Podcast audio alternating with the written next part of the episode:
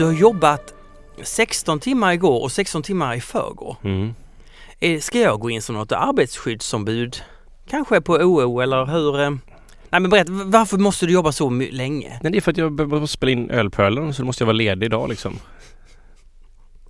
Då måste man ju kompensera det Martin. Ja, okej. Men kan man säga så här, du brygger svinmycket öl? Eller är det så att du brygger lite öl men du gör fel hela tiden? Det, det, kan jag säga ja på båda? Hur- men, men, men, men, Nej, vi brygger mycket öl och Ja. sen så går det fel. ja men berätta om felen, för det är ju jättespännande. Eh, ja. Olle gör fel, det är ju underbart. Det, jag vet, det, det var, ju- nu var det sig ett tag sedan. Det var, men det var ju länge sedan vi spelade in. Men Mm. senast jag bryggde West Coast. Vi, vi tog ut West Coast i förrgår. Därav att det blev en jättelång dag. Plus att jag bryggde Ja. samma dag. Ja. Det, det Mm. är stressigt. Ja. Eh, För den buteljeringen är ju 12 timmar lång ungefär. Så det i sig. Men, Mm. vad hände då? Jo, när vi bryggde West Coast så... För då, då, brygger vi två batcher av West Mm. Coast in i en stor tank. Och så eh, kom det lite folk på besök. Jaha. Och, så, och det är ganska stressigt där ett tag mitt, mitt emellan de här batcherna då. För då är det som att jag avslutar koket, ska starta Whirlpool och i humle och mäta grejer och se till att det är en bra Whirlpool och massa sådana saker samtidigt då som man börjar mäska in den andra batchen. Ja. Det gör man precis så. Det, det, de överlappar varandra där ganska mycket och jag, då, när jag mäskar in en batch måste jag liksom också se till att den blir bra och att man ska ha Mm. i salter och ja, vattenbehandling och sådana saker. Men så hade jag kompisar på besök som kom ut ungefär samtidigt där och ja, det brukar alltid bara funka liksom. Man Mm. knappar in lite grejer Mm. på så här vattenblandaren och hur många liter man ska ha, hur varmt det ska vara. Men om, jag tror det var så, jag vet faktiskt inte än, men jag tror det var att jag hade glömt stänga en ventil till returen till varmvattentanken. Jaha. Så pumpen som, ska, som matar bryggverket med varmvatten från varmvattentanken. Ja. Det vattnet gick delade på sig. Det ska gå direkt till bryggverket. Det gick tillbaks till varmvattentanken också. Så det kom inte tillräckligt med varmvatten till bryggverket. Ah. Så när jag mäskade in då så hade jag ställt in en viss temperatur. Men i och med att det inte kom till med varmvatten så missades den temperaturen. Vilken temperatur vill du ha då? Ja men säg 65-66. 65. Och vad, vad, vad du, hade, du kom inte upp i det? Nej, jag hamnade någonstans på det här, så att det var ju liksom så här och jag reagerar aldrig på det här. Utan Nej, för det här nej. brukar bara funka. Man slår in då att jag ska Ja, ja. ha det här och så blandar den här. Det är den enda automatik jag egentligen har. Mm. att den bara blandar Mm, själv. Den ställer mm. in då kallvatten, varmvatten.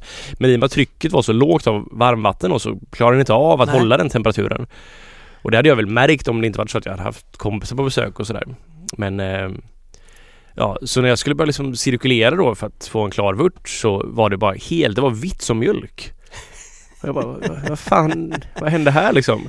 Jag bara tänkte, har jag krossat så här jättefint så det bara kommer en massa pulver nu? Jag bara, nej det är inte. Så tog jag ett prov på det bara så här. Det här är ju stärkelse. Det är ju ren stärkelse. Så mätte jag temperaturen så var det så här, ah, okej jag är på 48 grader. 48. Och då kan man inte sälja den st- stärkelsen till någon, någon, någon som vill ha det eller du kan inte göra någon annan dryck på det eller vadå? Det vet jag, det kanske man kan. Men just då vid det läget så var det inte riktigt läge- att Nej, fundera på det. Nej. Åh, ska jag göra en... Ja. Nej. Nej men så det var ju så här, det var verkligen det var För då hade ju inte sockret konverterat helt enkelt Jag hade ju bara löst massa stärkelse i vatten Ah. helt enkelt Ah. Det är stärkelsen som ska brytas ner då vid Och det gör man ju först när man når 60 grader för då Mm. aktiveras enzymerna Ah.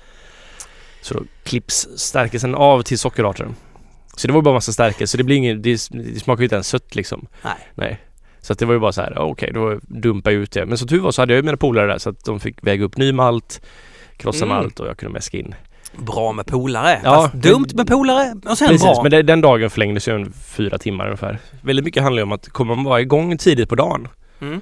så är det ju sen ett schema som man inte riktigt kan rucka på så då blir man ju klar tidigare också.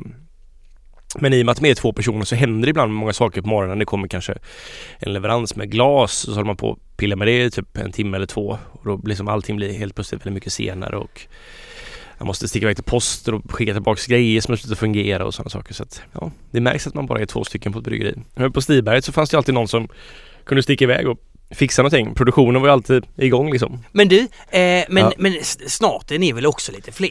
Så att du bara kan eh, lojsa runt lite? Ja, vi får se. Jo, men det, det tänker vi att vi... Jag kommer inte lojsa runt. Men går det inte... Sv- alltså, nu, nu har ni kört ett halvår. Går det inte svinbra? jo, men det går bra det gör det. Det är bara ni säljer. Ni blir Mm. av med det ni gör. Ja, jag det visst är inte så att åh, ingen vill ha det. Ingen vill dricka min öl. Alltså så är det inte. Nej, det, det är det inte. Det är inte riktigt så. Nej. Det Men det är ju skönt att vi Mm. börjat sälja på Systembolaget nu igen. För nu, Ja. nu är sex öl lanserade på bolaget. Och det är Och- skönt. Och det är och- Narango och Evergreen som vi kanske sålde mest av också. ja, och det, för det blir som en trygg kund. Man vet ungefär vad, hur mycket man behöver göra varje månad och så, så Precis, vidare. den är Ja. förutsägbar och det är liksom, Ja. eller nu vet vi inte men för att nu Nej. är det precis lanserat. Men- Men, det är men- ändå så här att När man väl ja, har den menar jag. Precis, de betalar i tid och sådana saker. Vilket, Bara det ja. ja, det, är, Är det är inte något- alla som gör. Nej, alltså eh, kan man säga på ett sätt att krogbranschen och restaurangbranschen är lite extra besvärlig för att nu ska man inte kanske generalisera, eller ska vi? Jo, vi ska verkligen generalisera här för Mm. annars blir det inte intressant. Eh, alltså att vi tar exempel tycker jag istället. om, om krogar i Göteborg som inte betalar. precis.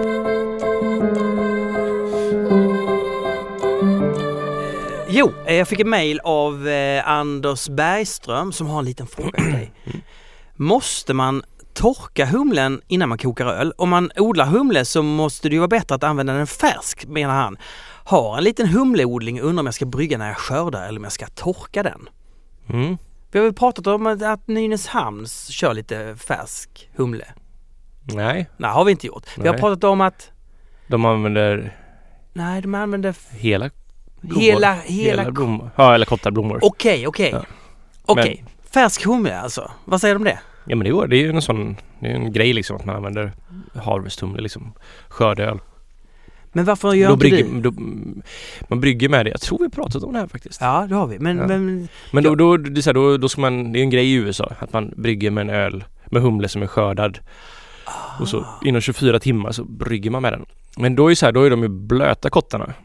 ja, Ja, och eh, har massa vätska i sig liksom. ja.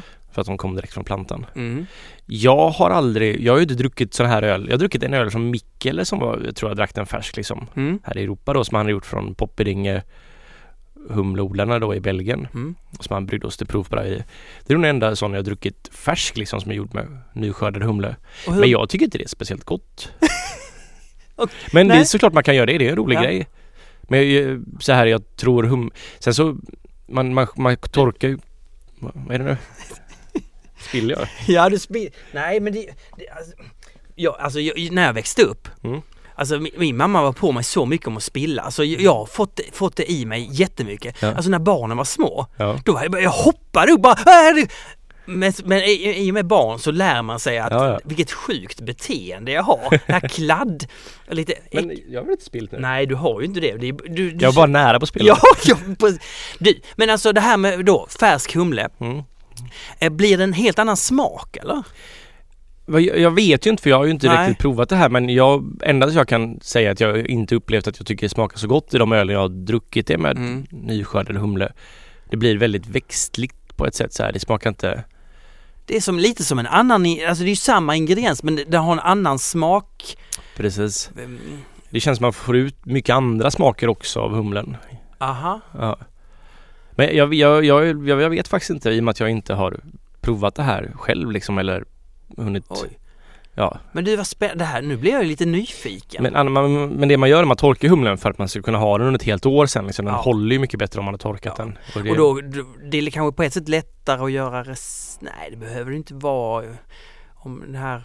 Men du, det- alltså... Vad, det, det, man kan ju bara göra det en gång, en, en gång eller två gånger per år då, om man ja, Ah. Det skördas ju på våren och hösten ja, ja, ja. beroende på vilken Det är del av inget som man halvklotet det hittar är. på Systembolaget, precis det här. Nej, inte konstant liksom. Nej, Nej. nej. Så det är ju liksom en mm. specialöl. Kan man tänka sig att en sån öl också håller extra kort tid?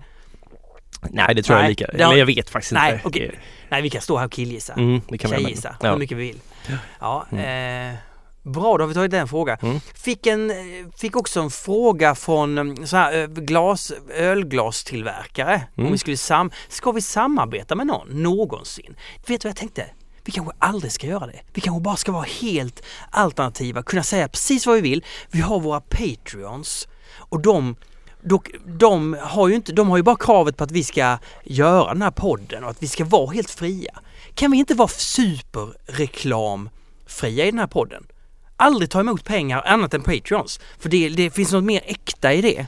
Jo. Men jag hörde menar att vi skulle sälja merch Nej, Eller jag vet inte. Nej. När vi ska prata om glas och så ska vi nämna det namnet och så ska vi liksom ha ett samarbete och så har du massor med ölglas hemma plötsligt och det är ju gött. Men jag bara tänker att finns det inte ett värde i den här podden? Ja, nej det ska vi inte göra. Som är bara du och jag Ja, ja visst. Ja, ja. och som ingen kan komma åt. Men om- Vi har vår bubbla. Men nu fick jag det. Ska vi inte göra ölglas och sälja med ölpölen? Ska jag ta kontakt där med den här? Nej. Ölpodden Ölglas. Mm. Ölpölen, podden.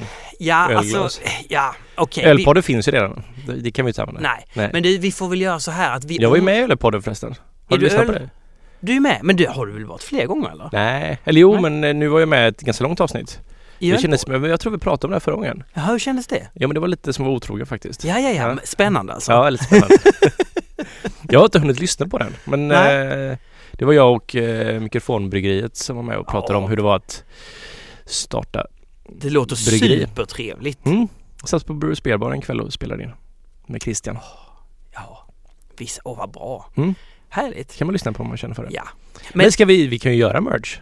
Det kan vi Så göra. Och, och det här med, nu, nu sagt, till, alltså att skicka mail till oss och föreslå saker, det får man ju gärna göra såklart. Det är Mm. inte det, jag är inte arg. Alltså jag bara, för, nu har, vill jag, Men det här var en, en, han ville ha en sp- sponsorgrej liksom, eller? Ja men typ så. eh, Ja, okej. typ, kan, och, och att egentligen, alltså, egentligen var ju förslaget, ska vi inte prata lite om ölglas? Och det borde vi ju hur som helst göra. Det kan vi göra. Ja. Men alltså vad, vad, vilken typ av, eh, alltså ölglas som man gillar. Åh, det är så. Du, en annan sak. Mm. En riktigt intressant sak. När jag var liten Mm. så hade vi standardmjölk, alltså 3% i mjölk. Eh, och så plötsligt så, så säger eh, mina föräldrar så här, nej men vi, nu går vi över till mellanmjölk. Det finns rön som säger det ena och det Mm. andra. Det, det, det, det. Och då smakar den här mellanmjölken så vattnigt. Jag, bara, jag kan inte dricka det, det, så, det smakar som vatten. Mm. Sen dröjer det en vecka. En vecka går. Plötsligt så känns den mjölken fullständigt naturlig. Standardmjölken, den fetare mjölken, smakar som grädde. Alltså, och då, då kommer, kommer ju man då till det här med att, att jag till exempel gillar, jag pratar ju alltid om att Åh, West Coast IPA, det är världens bästa, det är bara den jag dricker. Det kanske bara är min, min standardmjölk. Och så, eller, mellan, eller den som jag har vant mig vid. Man kommer in i, som, man, har, man har sin preferens. Mm. Men om jag skulle börja öva på någon annan öl så plötsligt skulle jag gilla supermaltig öl eller vad som helst. Ja men det, kan, det är ju lite så här. Det är bara subjektivt. Jag hade ju porter som min bröstmjölk liksom när jag Ja. växte upp som ölnörd. Och du hade West Coast. Ja. Mm. Jag menar bara att jag kan inte lita på mig. Man, gud, smaker är ju helt subjektiva. Man kan inte lita på sig själv någonsin. Säg att du går och blir kär i någon som gillar öl blandat med vin du kommer bara Åh Martin, du, det här öl blandat med vin, supergott! Jätteäckligt! men, men bara, bara för att eh, själva Ja, ja. sammanhanget och Mm. massor med saker. Ja men så är att man är van vid det. Mm. Öl och vin, mm, blanda. Ja, är det inte det som är barley wine?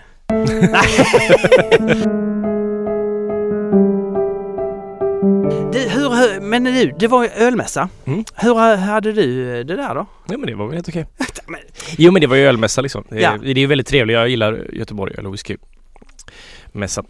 det finns något avslappnat trots den här storleken menar du? Ja men typ. Faktiskt. Mm. Det, är, det är svårt att sätta fingret på. Jag försökte förklara det här och så var jag verkligen insåg jag kan verkligen inte förklara det här. Det, är ju, det kan vara bara en subjektiv känsla att det här är Göteborg, därför är det bättre liksom. Ja. Ja, men det, det känns som att det är trevligt på sätt. Det är en, liksom en behaglig atmosfär. Vi, Ja. Vilket jag kan upplevt på typ Stockholm och Whiskyfestival att det inte är så trevligt alltid. Lite mer armbågar där. Ja men lite Eller? så faktiskt. Eh, lite stökigare och lite eh, hårdare attityd på något sätt liksom. Och det, det- kanske det- är Stockholm. Så Det kan vara så, eller så är det bara att man, när man kommer till Stockholm så känner man in det. Mm. Vet du vad jag sa till min dotter? Nej. Det var jätte... Alltså, eh, hon sa så här, fredagen den 13, då kommer det hända massor med dåliga grejer. Mm.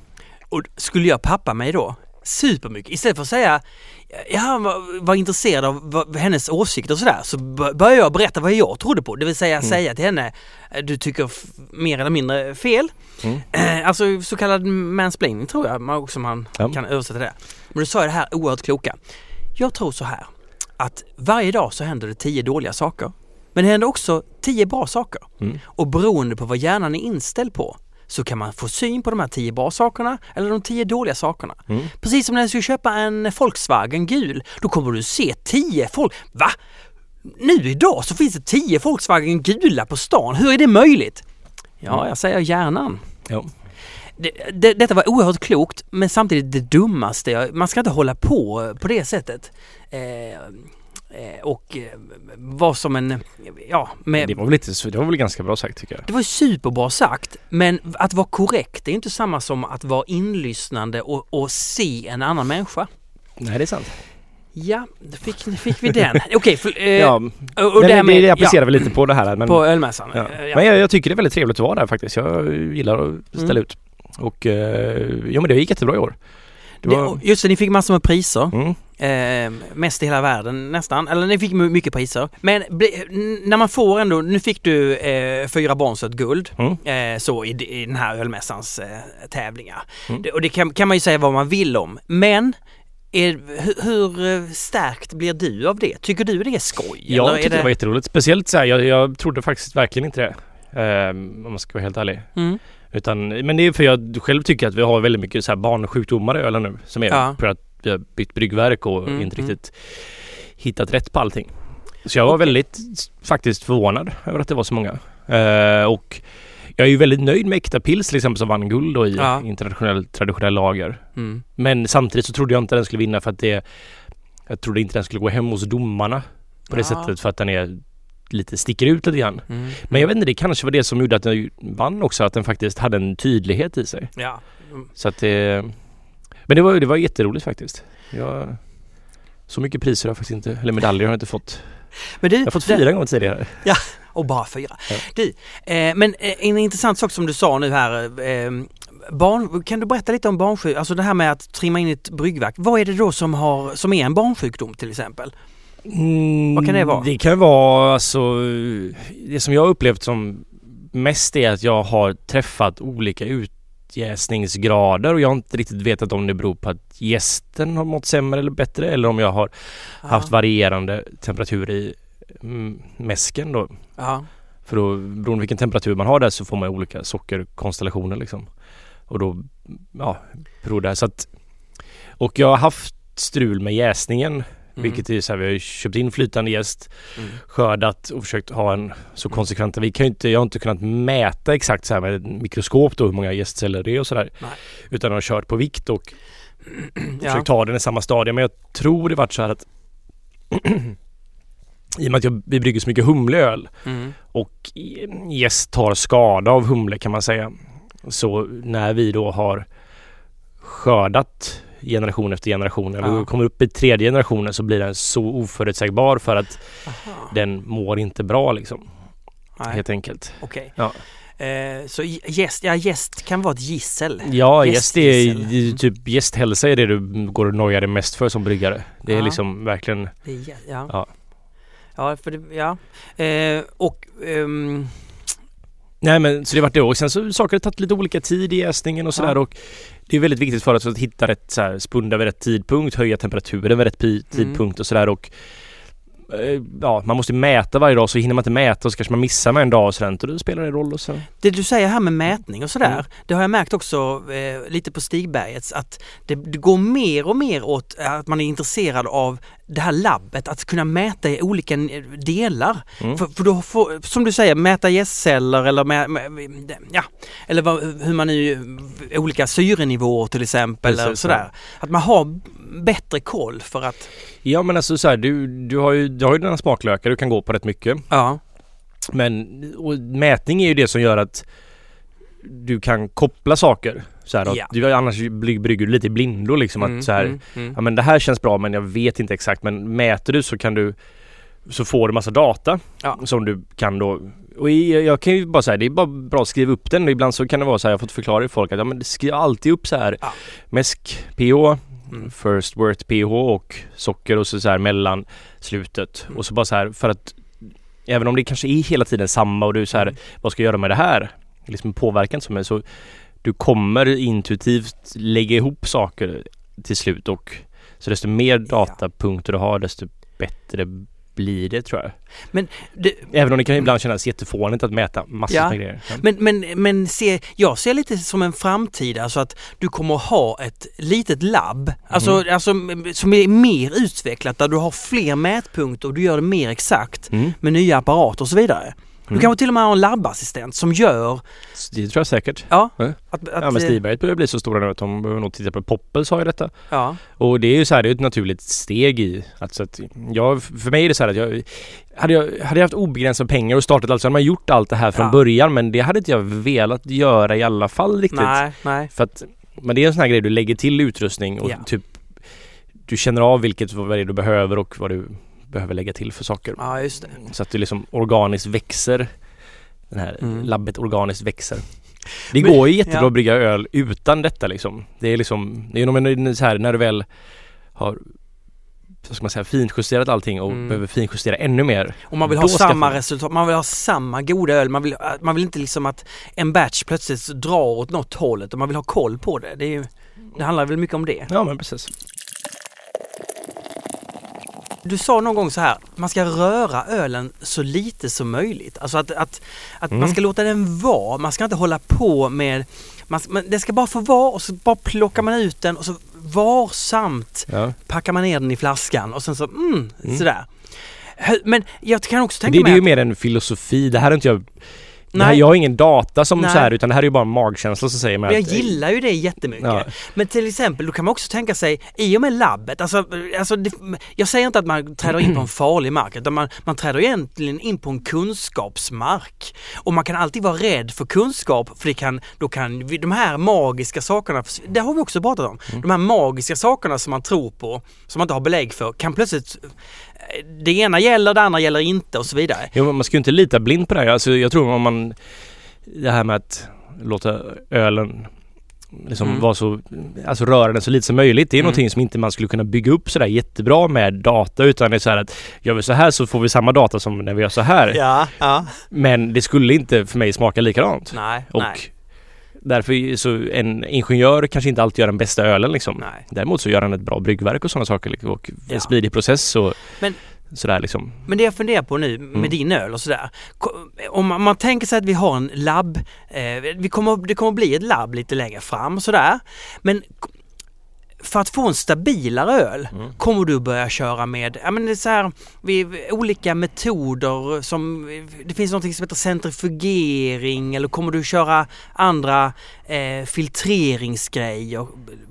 Nej, alltså inte så som jag tänker i dagsläget. Inte i dagsläget. Nej. Nej. Men eh, centrifugering är ju en teknik som många gillar.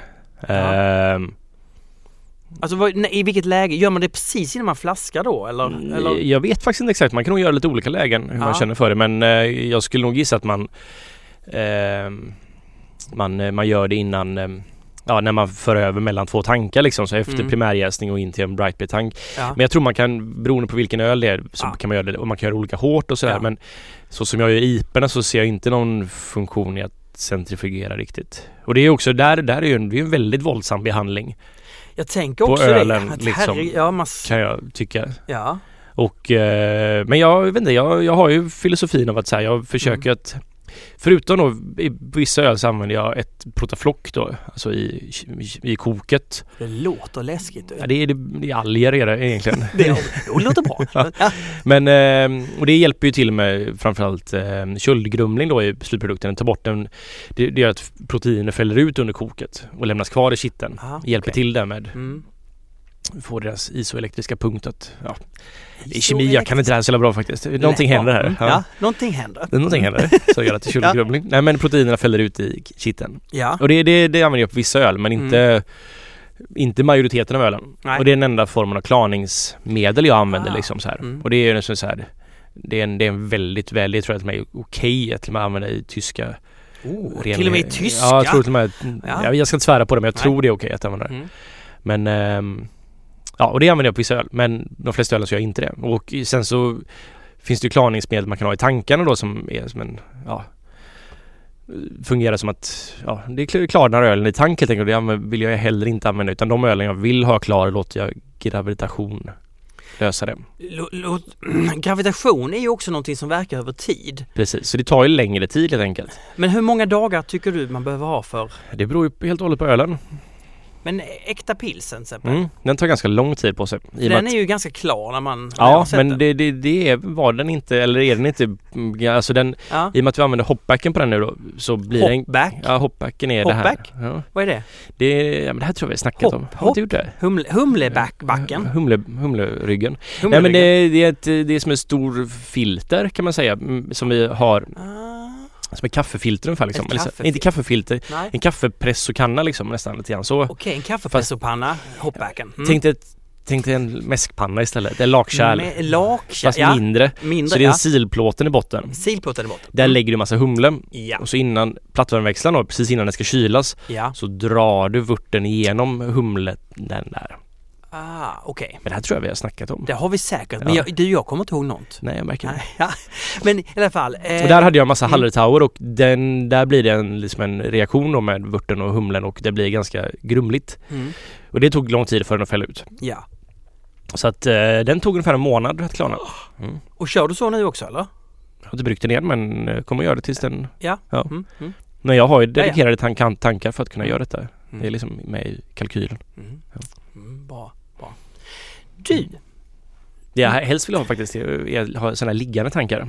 För just lagerölen. ah, För då får man ju en så här, då är det mycket, om man har en stående tank så är det Mm. ganska, då kan det vara två meter det behöver falla liksom. Det är ganska lång tid, långt ah, för, Ja, ja, ja. men har man en liggande tank Oh, så är det bara en halv meter eller något sånt där som behöver falla, eller en meter. Ja. Ja. Det gäller att inte börja röra i det sen. Nej det ska man inte göra. Man ska låta ölen vara. Du var med i P1 Ja, för superlänge sedan. ja. Jag Och tror sa- inte det här har sänts. Nej, Jag tror inte det kommer sändas. nej. Okej. Ja. Men i alla fall, då sa du... Jag svamlade för mycket då tror jag. Ja, okej. och då sa du så här till mig, Martin, vi ska prata om vatten. Det är det mest spännande ämnet i världen och det är faktiskt superviktigt för ölen. Mm, det, Okej. det sa jag faktiskt inte Martin. Nej, nej, jag hittar på allting. Ja. Men du sa ju ändå att det är väldigt viktigt för ölen Mm, och det finns många intressanta aspekter. Det gör det. Berätta, vad, vad har du för tankar kring, vadå vatten? Ja, det är klart man har väl vatten i ölen? Nej men det var ju så här, men det här var ju ganska länge sedan vi spelade in där och Ja. det var ju att eh, det kom en reporter från, vad heter det programmet på P1? Mat. Mat heter det. Mm. Och vi pratade om vatten så här för att Mm. de skulle prata om vatten i hur det behöver, eller så här allmänhet vatten liksom och Ja. just i öl så är det ju väldigt viktigt med vatten. Det är, en, det är kanske den, det är det man, som är mest av i öl kan man säga. Ja, är ju vatten egentligen. Men, eh, och det var ju att jag just då hade det färskt i huvudet att så här, massa aspekter av vatten som jag ja.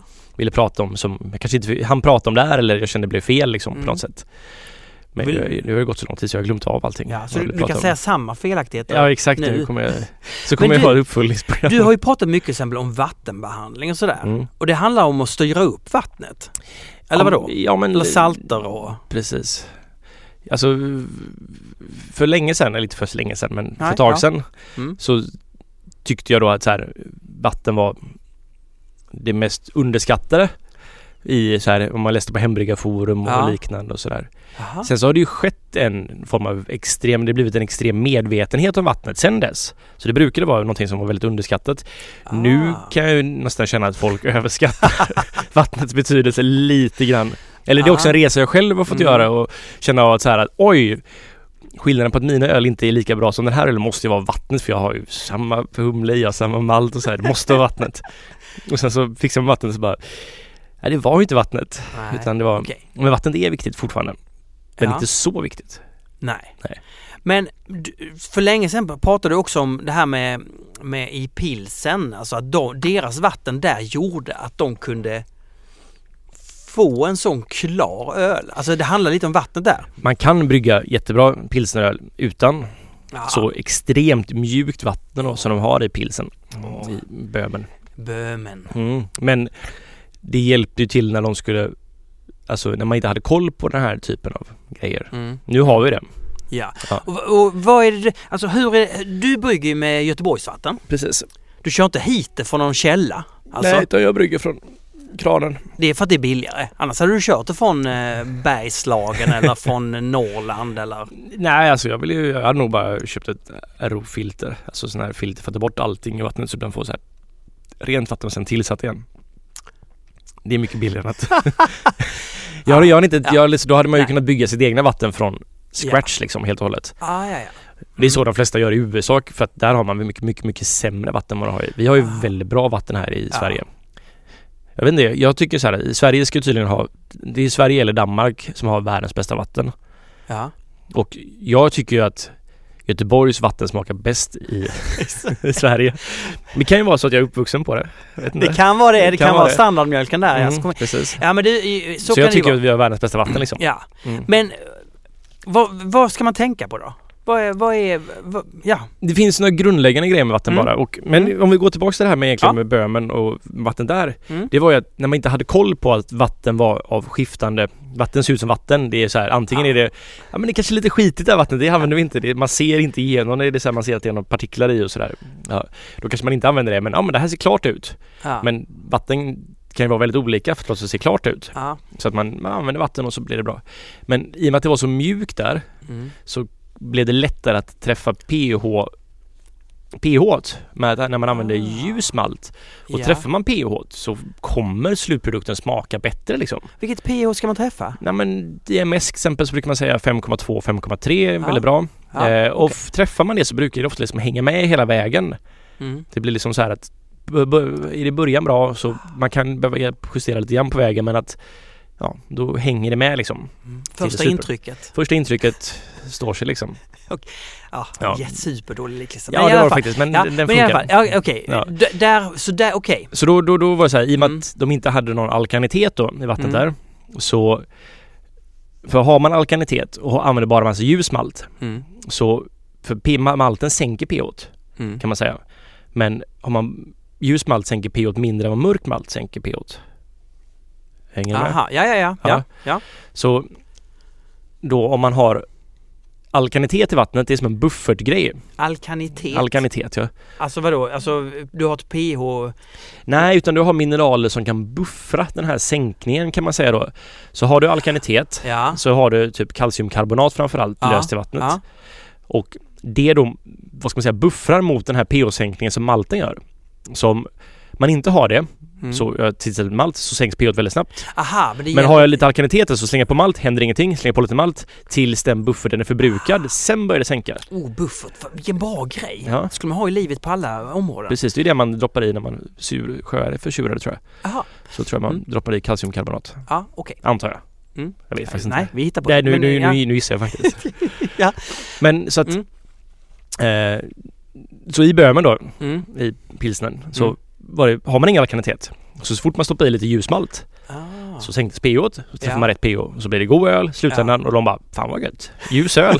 det har ingen annan gjort tidigare. och så blir det en stor grej, tog Ja. över världen och så, Ja. och så vidare. Medan typ i England då så har man Mm. ganska mycket alkanitet i vattnet. Ja. Så när man slängde i lite vanlig pale malt där, Mm. träffar inte pH rätt. Nej. Det här nu förenklar jag väldigt, väldigt mycket Ja, här ja, men det är ju härligt med förenklingar också. Ja, och så, sätt. men däremot så hade man mörk malt som har mycket större pH-sänkningseffekt än vad Mm. ljus malt har. Ja. Då träffar man pH rätt. ja, så i England, vad gör man? Vi brygger med, med mörkmalt. Precis. Genialt. Så Genialt. vattnet har ju spelat väldigt stor roll för vilka ölstilar som har varifrån de kommer liksom. Det är precis som att du, det kommer fram en tjej till dig Mm. eh, som gillar dig. Då tänker du så här, ja men ja, då gillar jag nog dig också. Alltså den där mörka malten, ja men då, det, mörk malt det är ändå gött. Vi är i Mm. England, vi gillar mörk malt. Precis. Anpassning. Och det, nej, exakt, man anpassar. Och jag tänker så här, liksom hur mycket har det här för... Öl är ju någon form av så här folkets dryck liksom. Mm, Det är ju så här mm. genom historien varit det man dricker mycket av liksom. Så här att det är en väldigt sällskapsdryck och sådär. Har då ölen, att var den här ölen, vad kom först liksom? Att vattnet påverkade ölen i England Ah. till att man skulle ha, behöva använda mörk malt. Och då var det så här, ja men vi gillar mörk öl. Vi gör det. Det här är typ, vi gillar öl helt enkelt. Är det mörk eller ljus spelar ingen roll men Nej. att typ så här Mm. att det blir lite murrigare så här att pubbarna Ja. blev murrigare. Kanske var vädret som gjorde det här. Det passar jättebra med vädret men och liksom så här i då Böhmen och så liknande Mm. att där var det ljus pilsner och som sen spred sig vidare till Tyskland och sådär. Mm. Men jag vet inte så här hur mycket har det här påverkat liksom hur Ja, här tycker jag vi ska absolut dra in Foucault, Michel Foucault, Ja. som pratar om att vi skapar våra sanningar. Mm. Alltså att vi, jag, jag är helt inne på att om, om någonting fungerar och då, då ska, gör man det till sin sanning att ja, men det är det vi gillar det är det. Och, och då lägger man till vädret. Ja, men kolla på vädret och så får man allting att stämma. Mm. Det ja. Ja, vi ja men det är så här, ja.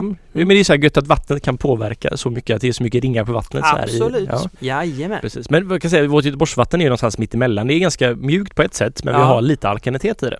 Men den Aha. är en sån alkalitet som är jättelätt att behandla bort Ah. med lite mjölksyra eller fosforsyra och sådär. Ja. Mm. Okej, så, Så att vi har, vi så här, jag ser vårt vatten som ett så här väldigt neutralt vatten Mm. som vi kan, man kan brygga. Man kan brygga mörköl, man kan brygga ljusöl.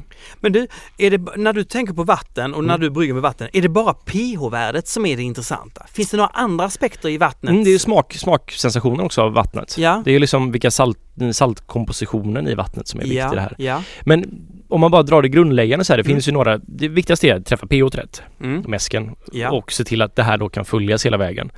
Att du har rätt pH eh, innan och efter kok och gärna efter jäsning också. Efter jäsning beror ju mest på att du får, är du runt 4,4 Mm. eller under 4,4 så har du en mikrobiologisk stabilitet på ölen Mm. som är väldigt bra. Mm. Plus att syran hjälper ju med att få smaken att poppa till lite mycket, lite mer. Ja, Har man det är högt, väldigt bra. Ja, har man för högt pH så blir ölen ganska jolmig. Den blir lite så här mjäkig typ. Den, det är som att man har glömt saltat maten liksom. Ah. Kan man säga. Okej. Ja. Mm. Men eh, träffar man pH i mäsken så brukar det vara okej resten av vägen. Plus att har man bara en hälsosam jäsning så brukar pH träffas rätt där också faktiskt. Eh, men det är, det är ju liksom en aspekt. pH är jätteviktigt. Och det är väl så här, se till att få det att funka. Sen är det ju också att gästen ska vara bra. Och gästen behöver kalcium så att man kan se till att man har de bara grundläggande kalciumvärden som är bra.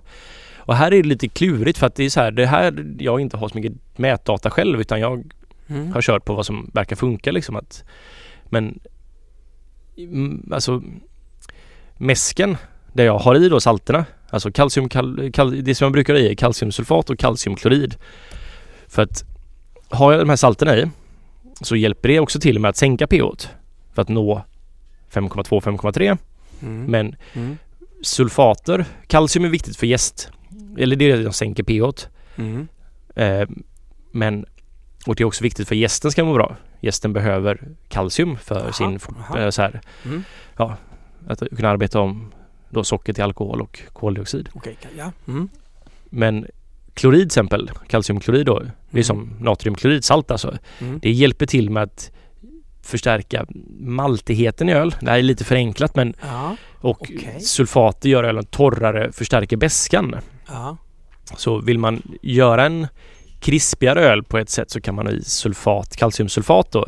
Vill Mm. man göra den lite maltigare och rundare framförallt. Det är liksom, jag skulle inte säga att det är maltigare egentligen. Det är, en, det är liksom en som en eh, mindre aggressiv ton i ölen nästan. Mm. Den blir liksom, men rundare är kanske bara beskrivning på det. Mm. Har man i det så blir den det.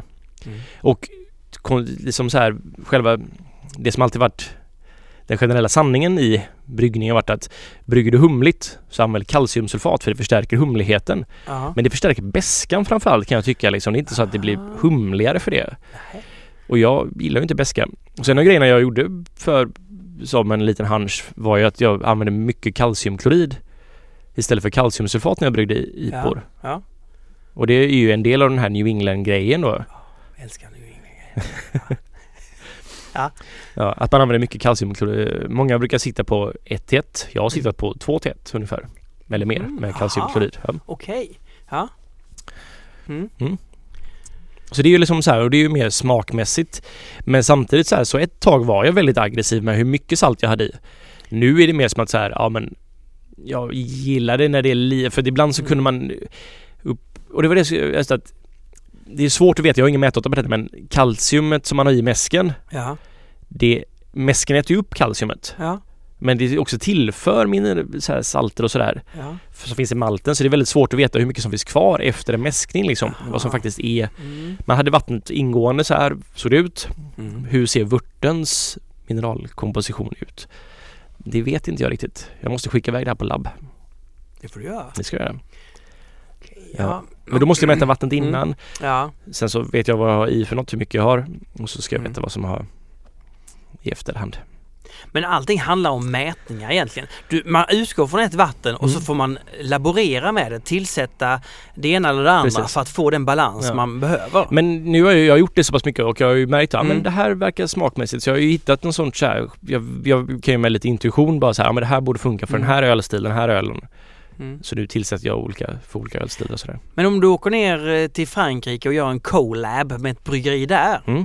då är det ju deras vatten. Ja, Då är det ju händerna på det vattnet. precis. Men då, då kan man ju räkna med att de har koll på för du, du kommer ju bara i så Ja, fall göra en collab med ett bryggeri som levererar Ja. utav helvete. Ja. Men då kan man ju titta på deras vattenprofil och så kan man ju se vad man Ja. kan göra med det.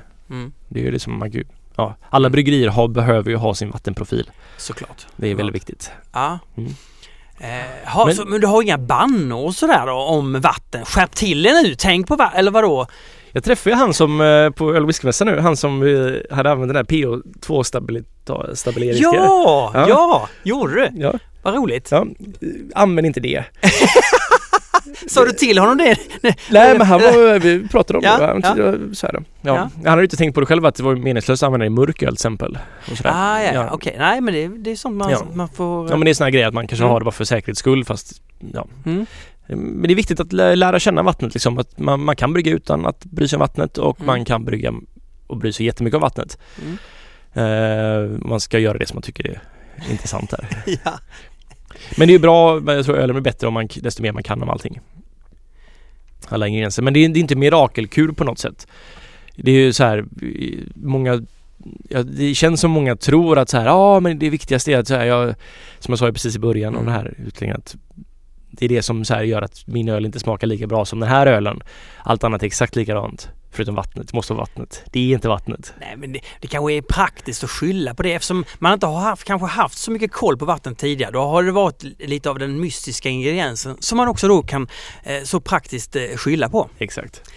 Det är, alltid, Mm. det är alltid så bra att kunna skylla på någon. Precis. Det är, det är därför man har barn. Nej, nej, vad sa jag nu?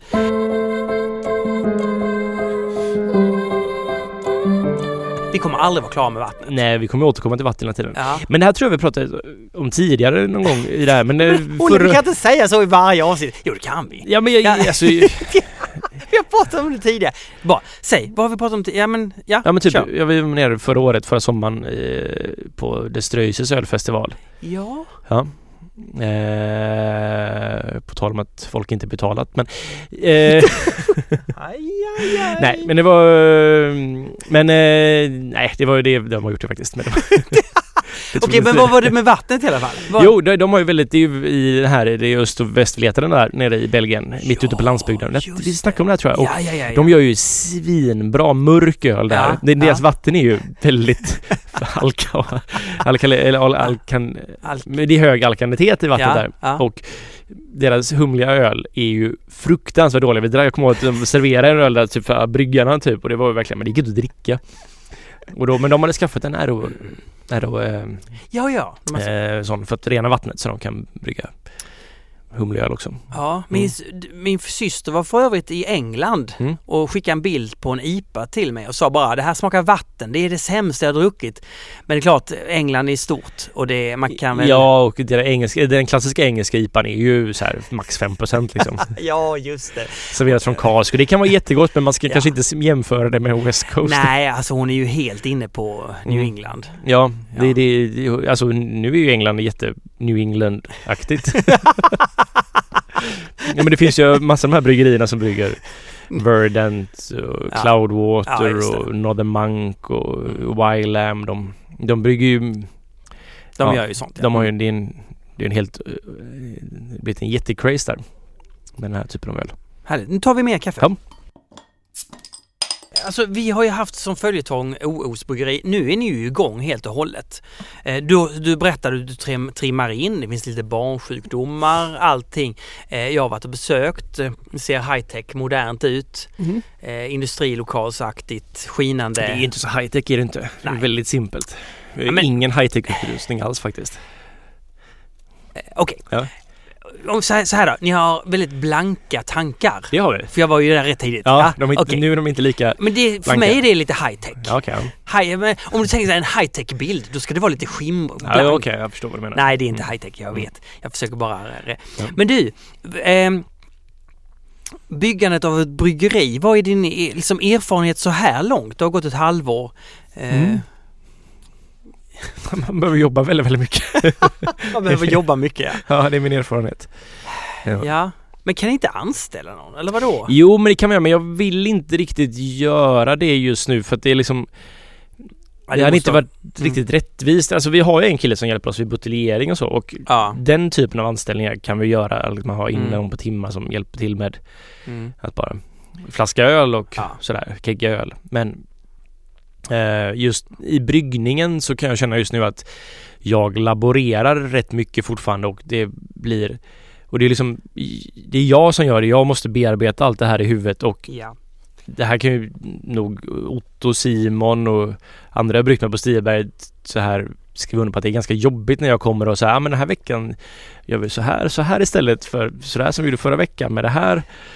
Det blir som ingen kontinuitet i det hela och det är så här och det är kanske alltid inte jättelätt för mig att jag har mina anledningar till varför jag ändrar sakerna till den. Men jag hinner inte förklara.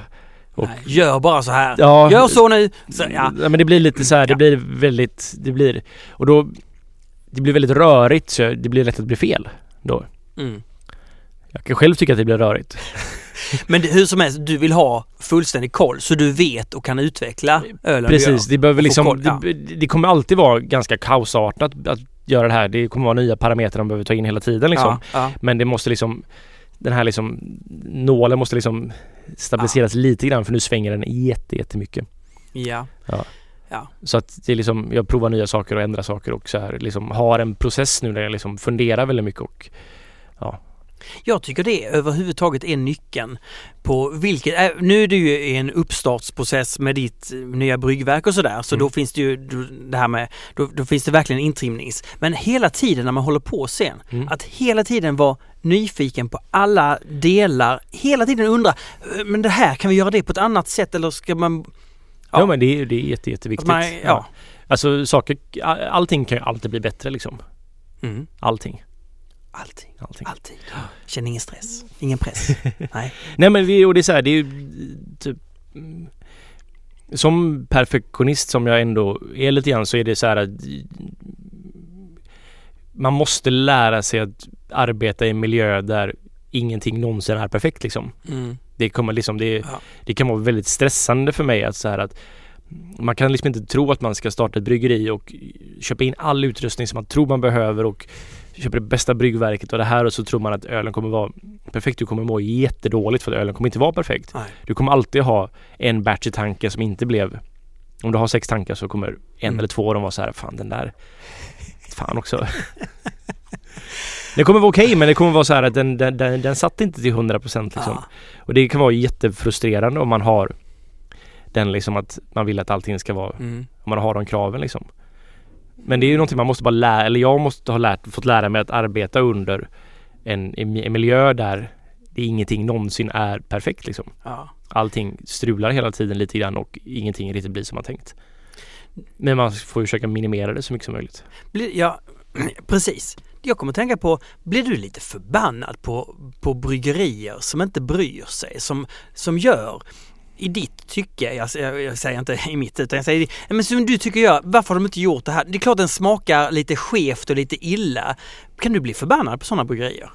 Mm, nej, inte förbannad. Superarg? Nej men jag kan bli lite så här Jag kan bli lite, ja, men jag, jag kan ibland träffa bryggare som kan, jag kan tycka har en lite nonchalant inställning till. Ja. De har lite inte sett komplexiteten i det hela riktigt Mm. eller förstått komplexiteten i det hela. Mm. Och jag kan förstå det, för det är, det är svårt att hantera men den här komplexiteten måste, man kan liksom Man förenklar den men den måste hela tiden, man måste vara medveten om att det finns en komplexitet där. Mm. Och väldigt många kan jag tycka, eller många men Det finns bryggare som, eller bryggerier som Ja men det är typ Kommer, vi med, en- kommer vi en lista på Instagram sen eller? Nej det Nej det gör vi inte. inte. Nej. Nej. Ehm, Nu spiller jag. Spiller du nu? Ja, det gjorde jag. Ja, det gjorde- men jag såg inte det ens. Jag tänkte inte på det. Jag, jag har druckit så mycket kaffe. Jag är så uppe. Ofta när jag kommer upp liksom i någon sorts, hjärtat börjar pumpa Mm. extra mycket. Man, man studsar omkring på kontoret. Eller vad man nu är. Då sticker jag och tar mer kaffe. Mm. Ja, det är, det är, ett- det är Det är gift så- liksom. Det är som när, när vissa dricker öl. Att man, nu har jag druckit en, då vill jag ha en till. Mm. Det öl smakar ju också lite godare efterhand tycker jag. Jo, men det gör det ju faktiskt. Det, det kan jag verkligen hålla med om.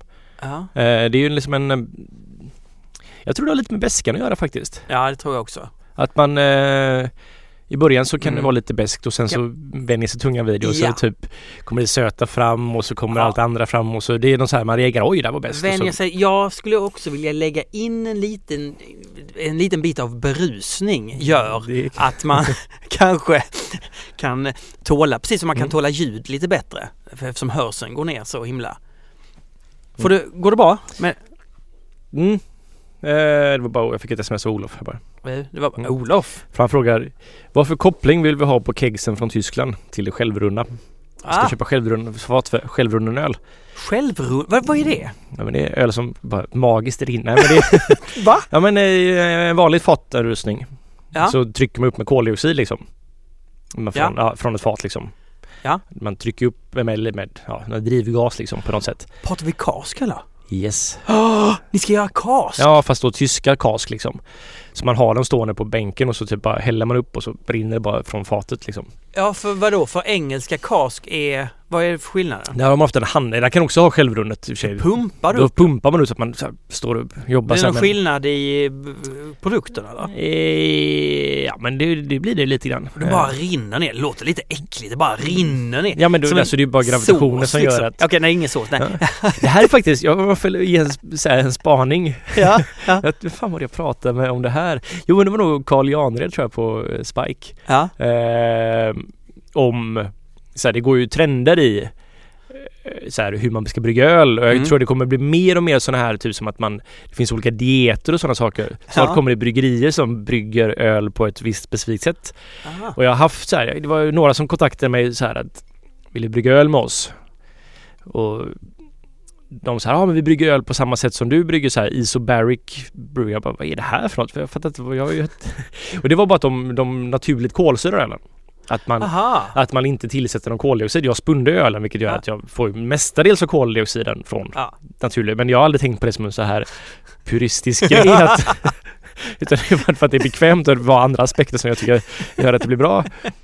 Men de tyckte att det här var liksom så här att Det var grejen. det var grejen liksom Ja. så här att jag kan tänka mig att det här kommer dyka upp som en så här var, var marknadsförings... Och det har ju alltid funnits lite grann. Ja, ja. Så här, men, Mm. men att det kommer bli mer och mer.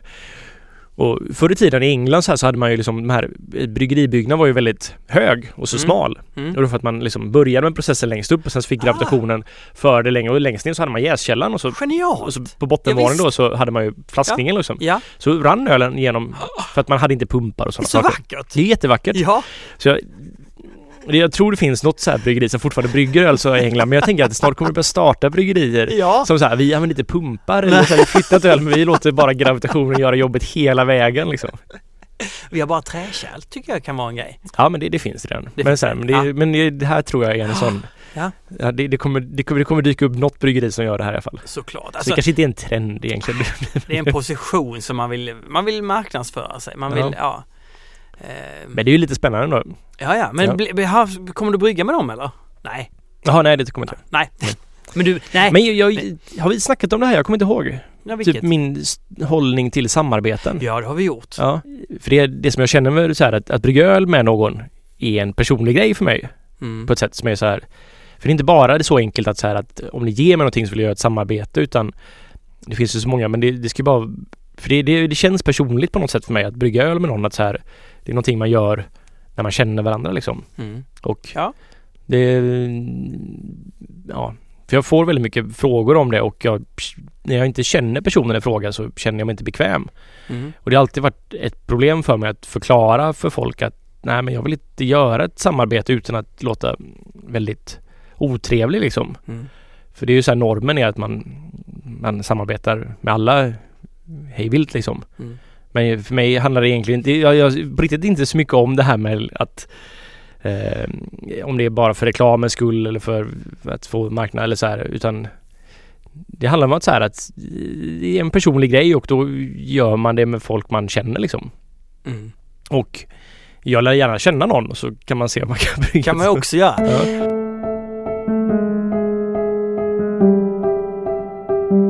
Du gjorde ju en öl med eh, massor av bryggerier i Göteborg där ni bara samlade. Hur ska vi göra den här ölen? Ska vi göra en öl där vi slänger i massor med konstiga grejer? Ska vi kalla den för en semleöl? Ska, vi, ska den få ett namn? Ska vi ha massor med tokgrejer? Det, det, Olle framförallt, han gillar ju att dra i massor med eh, saker som gör sig bra på bild så att säga. Mm. Vad hände där egentligen? Jag vet inte. Jag var inte där. Du var där Martin tror jag. Ja. Du kan väl berätta vad som hände? Ja, Nej. Ja, men det är ganska, det är en lustig situation. Det var ju ett samarbete som Omnipojo och Stiberget drog igång antar jag. ja, Eh, där i stort sett hela Göteborgs bryggerier var med och bryggde en hetvägg-IPA.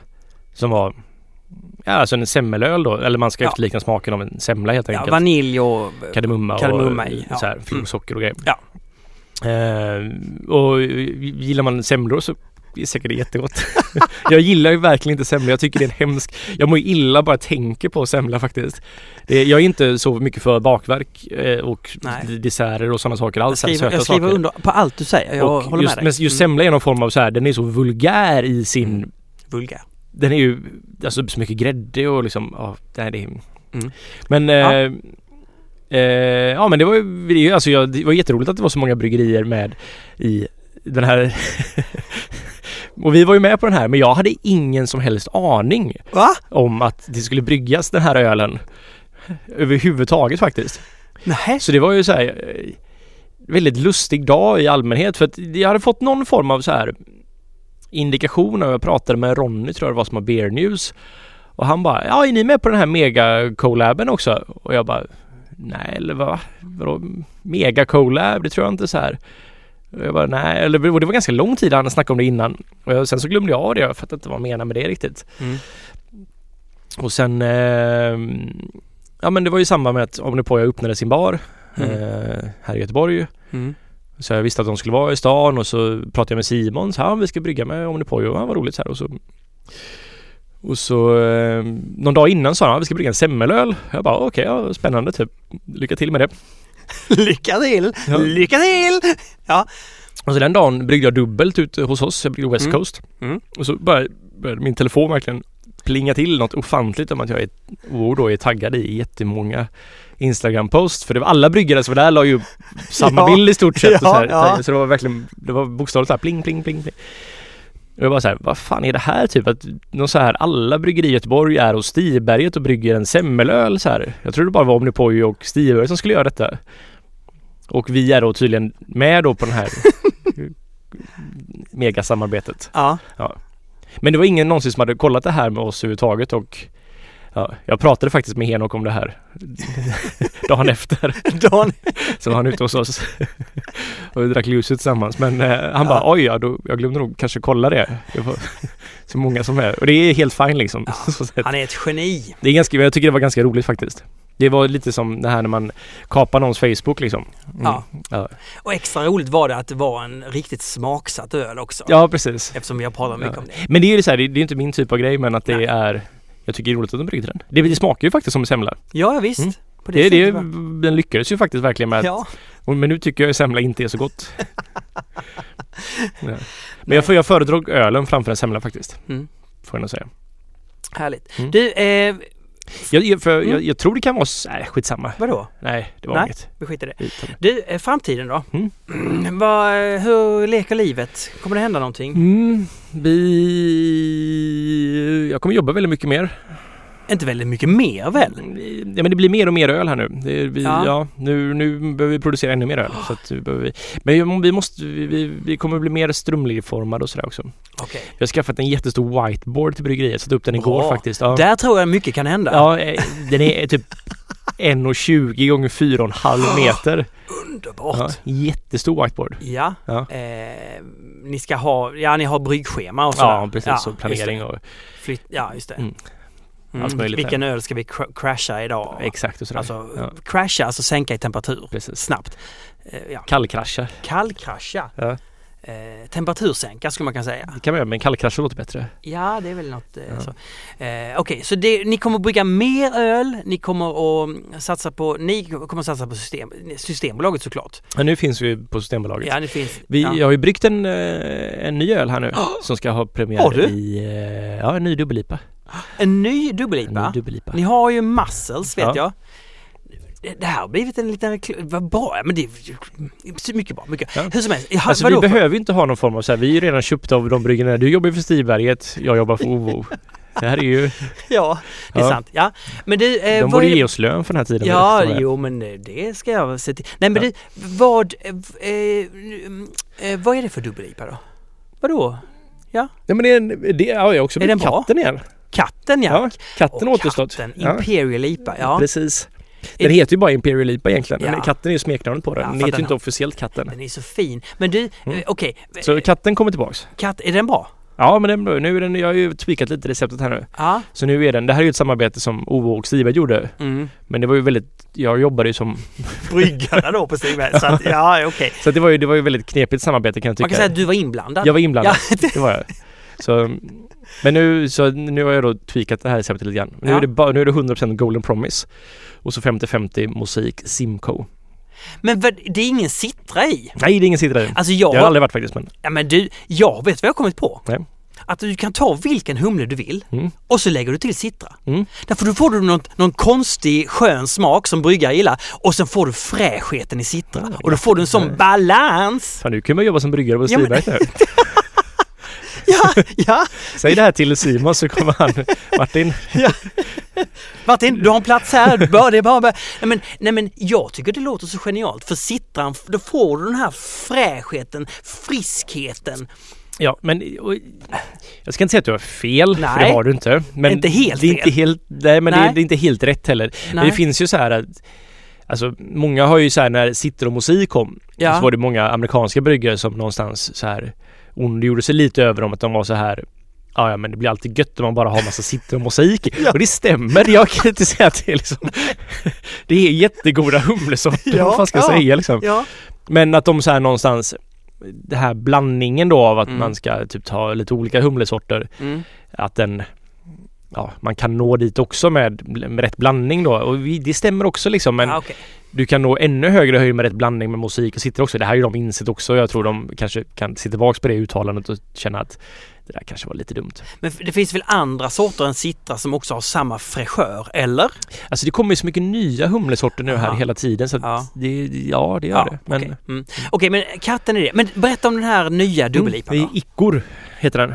Ikor. Ikkor. Ikor. Ikor. Jag vet inte, Ja. ikkor. Jag vet inte hur man uttalar det riktigt. Men Nej. det är I-C-H-O-R.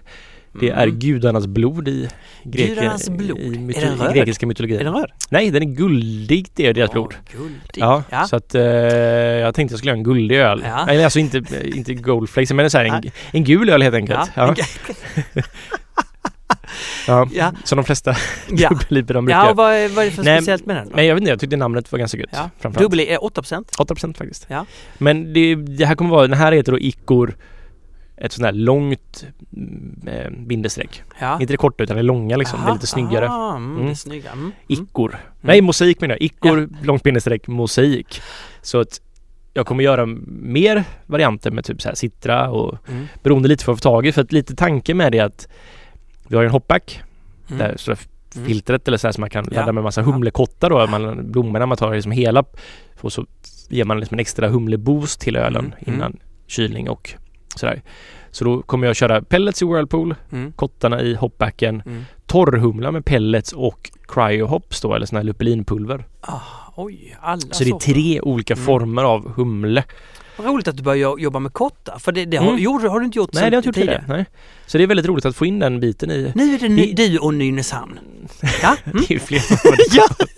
så sätt. Men Ja. det, det är väldigt, det, det, det, det har en annan profil kottar alltså. Det har verkligen det. Och Oh. ja. Men ehm, ja, nej men så jag, det, jag håller fortfarande på att trimma in. Jag kan få lite gröna smaker av kottarna kan jag tycka och jag kan, som Balamundi till exempel, en session-IPA vi gjort. Där har jag ju typ ersatt Whirlpool-humlen lite grann med kottare stå istället i hopbacken. Du, den, den var ju super... Men, ja, ja. Ja. Mm, okej. Så det är, som, det är, men det är en ny leksak på något sätt så här, men Mm. jag har inte riktigt funnit exakt hur jag ska arbeta med den. Nej. Men och då är det här Icor som en liten del i det tänker jag att man så här. Ja. Plus att ja, det är roligt att få olika lager av humle och just av en humlesort. Att man får liksom verkligen en Jag tänker att den här ska bli jätte jättehumlig. Så den kommer i det har maj man hört förr, ja. Mm. Humletörsten. Du, eh, jag censurerar mig. Mm. När, jag är ute, när jag är ute och dricker någon av din, din öl Mm. så tycker jag det är världens bästa öl.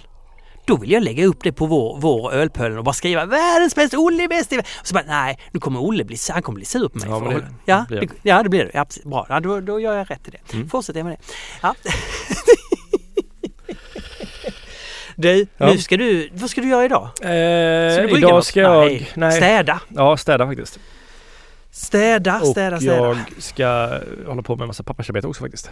Mm, och vet du vad jag ska göra? Nej. Jag ska göra klart Francesca Eluigis VM-låt. Mm, vad den fick höra lite förut. Du, Ja, ja. Eh, gå in på theworldcupsong.com och lyssna. Därför att... Eh, Vadå, det har här, du en domän för låten? Det är väl klart jag har.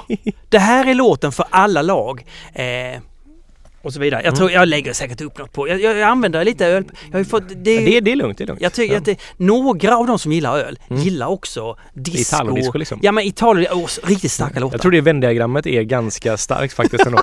att det är så här, en stor överlappning här. Det känns... Ja. Eh, jag gillar gitarrolyskan nämligen och jag gillar öl. Så att jag... Det är så härligt att höra. Mm. Du, eh, jag tackar för eh, allt, mm. för livet, ja. för ölen. Eh, Gå med i Svenska ölfrämjandet. Och tack Ina för att du klipper den här så magiskt. Tack.